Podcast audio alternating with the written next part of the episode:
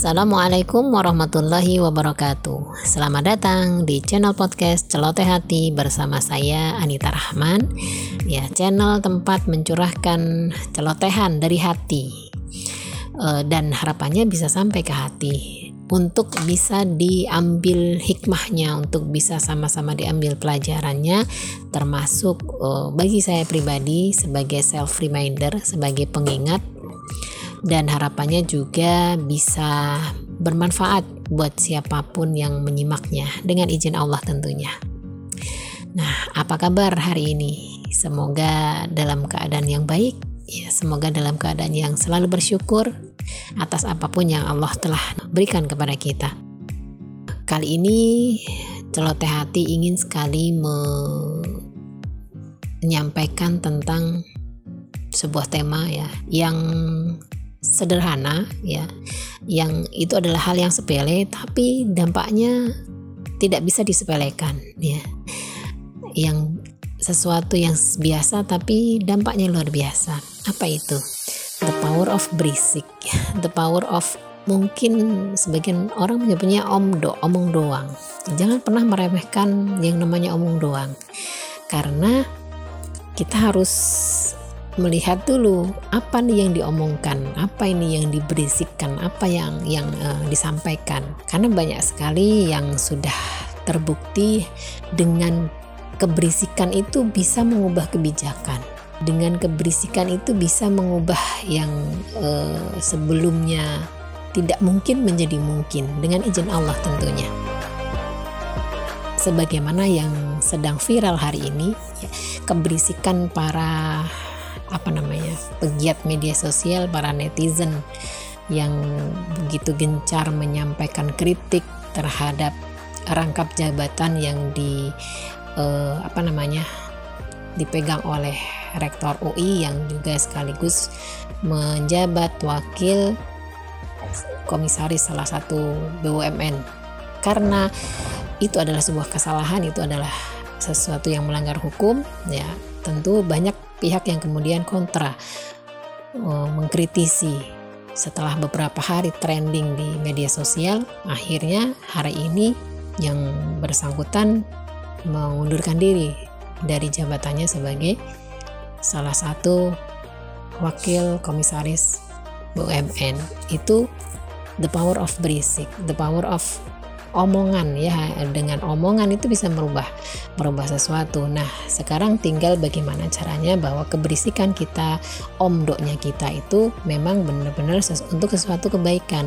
Untuk uh, amar ma'ruf dan untuk nahi mungkar. Ya, tidak tidak sekedar berisik tanpa makna tidak sekedar omong doang tanpa tujuan.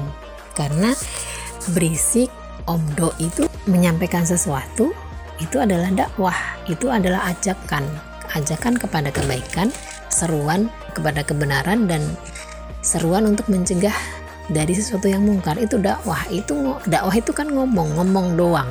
Tapi kalau yang disampaikan atau yang diomongkan adalah sesuatu yang baik dan disampaikan terus-menerus, maka efeknya luar biasa. Efeknya akan memberikan banyak perubahan bagaimana hari ini contoh ya pemakaian hmm, pakaian syari akan sangat berbeda kondisinya saat kita lihat 10 atau mungkin 20 tahun yang lalu.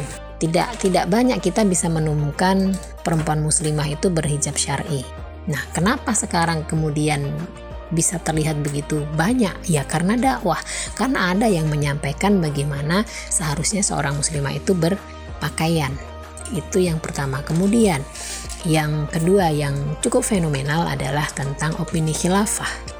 Hari ini dengan 10 tahun yang lalu mungkin akan sangat berbeda membicarakan khilafah.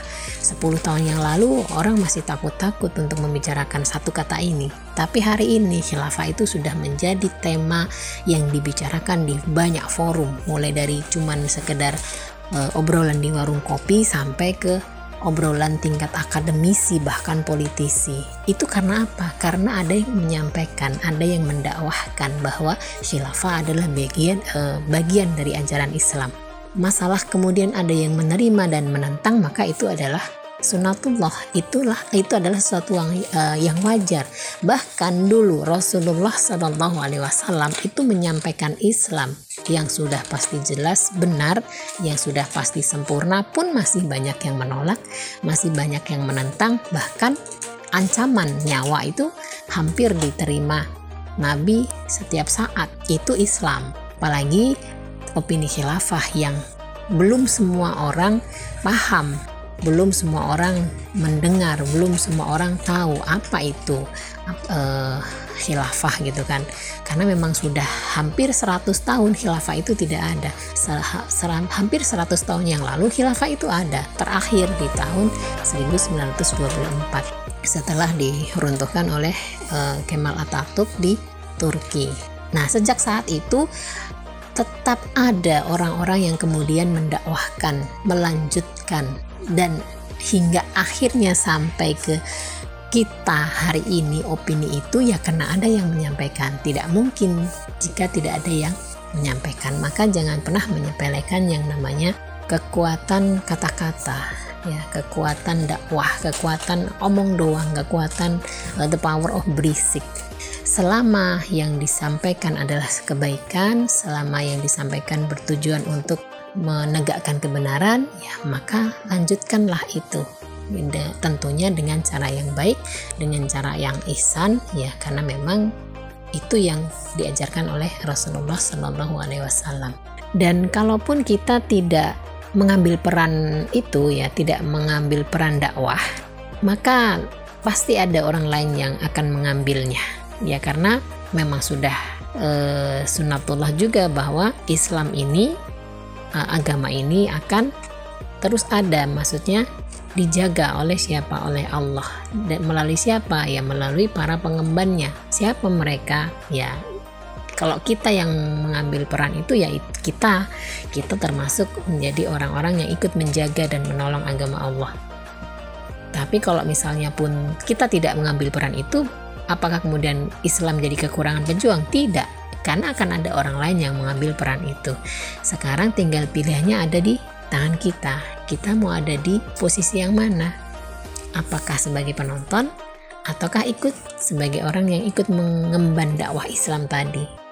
Karena tanpa kita Islam tetap akan ada, tapi tanpa uh, tanpa kita ikut maka apa atau bagaimana kelak nilai kita di hadapan Allah? tentunya akan berbeda dong. Uh, orang yang ikut mengambil peran berjuang dengan orang yang hanya ikut menonton ya ibarat kita nonton sepak bola gitu ya sepak bola itu pemainnya paling berapa ya, 11 dengan cadangan berapa saya kurang paham sepak bola ya perhatikan penontonnya jauh berlipat-lipat lebih banyak daripada pemainnya apa e, kesamaan dari antara pemain dan penonton? Sama-sama suka bola. Bedanya pemain itu e, langsung menikmati bola itu. Bagaimana untuk bisa menikmati bola itu? Prosesnya panjang setiap hari harus latihan, ya harus berkorban waktu, makanannya diatur, harus e, mau berlatih dengan resiko kesleo, patah tulang, tabrakan, lecet. Nah, itu resiko pemain, makanya hanya orang-orang terpilih yang berhasil menjadi pemain dan terjun di lapangan. Sementara kalau penonton, ya mereka nggak berbuat apa-apa, santai. Uh, hanya datang saat pertandingan dimulai, kemudian bayar tiket, uh, nonton, duduk-duduk bersorak-sorak. Apa imbalannya? Kira-kira sama nggak? Tentu jauh berbeda. Pemain akan mendapatkan imbalan cukup besar, uh, bahkan kalau pemain kelas dunia ratusan juta. Sementara penonton untuk bisa menikmati bola harus mengeluarkan sejumlah uang. Nah, uh, analoginya uh, kurang lebih sama ya kita yang memilih untuk mengambil peran ikut berjuang dalam dakwah dengan yang tidak, ya pasti ada bedanya di hadapan Allah.